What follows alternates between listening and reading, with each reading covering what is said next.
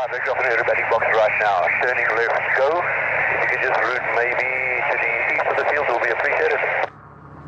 Die groep bestaan hoofsaaklik uit vlieëniers wat kommersieel vlieg en in hul vrye tyd oefen. Die span is gevorm deur 'n privaat vlieënier, Ryan Beaton, met die hulp van Larry Beamish. In 2014 het die legendariese kunstvlieënier Pierre Gous die leiers oorgeneem. Dit is eintlik is, is Ryan se brainchild, as ek dit so kan sê. Hy het uh, sy eie al vir 'n paar jaar. Hier by die 700 uur op sy RV. Op daai spesifieke RV. En hy was deel van 'n paar manne wat net wil formasie vlieg. Hulle wou net bietjie vlieg en lekker tye saam met die vliegtye want dit is bietjie vervelig om op jou eie te vlieg hier. Dit is lekker om saam te vlieg en hulle het 'n paar manne begin en hulle het gesien hulle sukkel bietjie om dit mooi af te rond toe hy my betrek en Valerie Beamish betrek en Nigel Hopkins om 'n bietjie meer struktuur te gee ding. En uh toe betrokke begin raak het begin aerobatics toe formasie toertjies en 3 uh, 4 tot nou tot sewe vliegtye saam. Die span se gewildheid het weens hul asemrowende vertonings toegeneem en omdat hulle gewone vliegtye gebruik wat nie spesifiek vir kunstvlieg ontwerp is nie. Dit is soos om in jou sportmotor aan 'n wedren op Kyalami deel te neem. Okay, make an power you guys slot in as quickly as you can. Uh, you and Ryan do 45 up 180. You and Nigel does like a 60 up through 180 and I go straight up and do a roll over top something like that.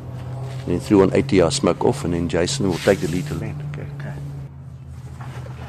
Kan kan jy my hoor? Ja, kan jy hoor.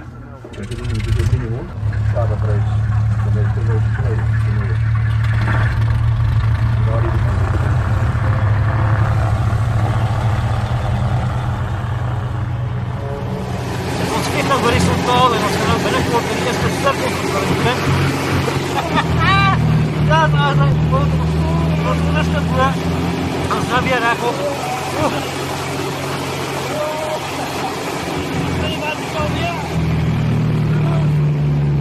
Maar ons gaan nou binnekort weer in die vertikaal optrek en dan gaan ek weer 'n paar honderd kilogram weeg. En dit is nog 'n eienaardige gevoel om bo jou te kyk en net grond te sien. Die grond is bo en die lug is onder. Heeltemal teenoorgestelde as waar mense gewoond is. Also ons is terug op die grond en net 'n eerste oefening gehad. En dit is 'n absolute belewenis gewees. En jy gee kragte wat op jou liggaam druk en jou 3, 4, 5 keer swaarder laat voel um as as wat jy is. Jy weet dit terwyl jy nou in die vertikaal opgaan. En as jy langs jou kyk is daar twee vliegtuie aan elke kant van jou binne reikafstand. Jy kan letterlik amper jou hand uitsteek en aan hulle vlerke vat. Natuurlik hierdie spanleier Pierre Gous uh, 'n baie moeilike taak want hy moet die span lei en hy moet nog seker maak in die oefening dat almal hulle taak reg uitvoer, dat hulle naby genoeg is dat hulle nie die span in gevaar stel nie. The tail chase was okay but the gap you were way behind. Trevor you also quite far behind. Was that too far? Yeah, I mean uh, you were very close to Ryan. Yeah. You guys need to start seeing it. Okay, I yeah. know we're not Blue Angels or Red Arrows, and we're not doing that kind of thing, but it looks nice if the spacing is better. Yeah, yeah. And I don't know if you may be following a wider path on this because you must have power to stay. So na die eerste sessie kry elke span 'n kans om te sê hoe hy dink hy gevaar het uh, dalk waar hulle kan verbeter en natuurlik Pierre Gous wat uh, sy vinger op die knoppie het in terme van uh, van van die toertjies wat julle doen nou weet julle doen maar die basiese tipe van uh, van vertonings jou moer Justin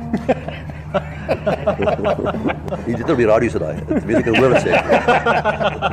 Ehm um, Justin, jy kan nie met formasie vlug ehm um, energieke goed doen soos wat Jason sal doen op sy eie met die ekstra of of Nigel met die MX nie. Dis 'n heel ander ball game.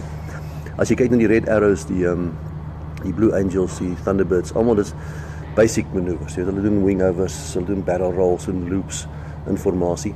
En dan het hulle dimensie wat hulle solo ouens het wat hier verbyvat doen 'n bietjie meer aggressief raak. Hoe meer ek aggressief raak met die span, hoe nader kom hulle aan die dood, jy weet. So dit is nie 'n goeie idee nie. Hulle hou nie daarvan nie. Maar daar is so van die dood gepraat. Ehm um, daar is natuurlik 'n element van gevaar. Ja. Jy weet elke keer as jy gaan vlieg, dink jy daaraan?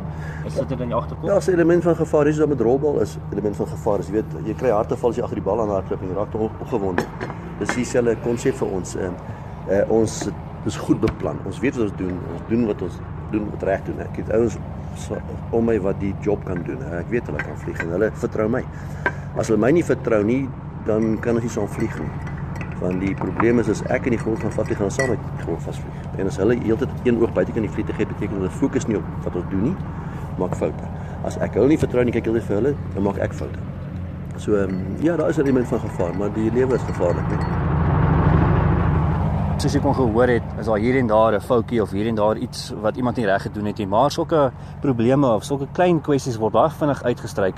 Want aan die einde van die dag is dit nie so maklik om inligting te vlieg nie. Veral nie as jy vertikaal gaan en as jy onderste bo vlieg nie, want jou hele wêreld word onderste bo gedraai en jy moet regtig kop hou om te weet waar jy is en ook dan hoe naby jy aan jou spanmaat is.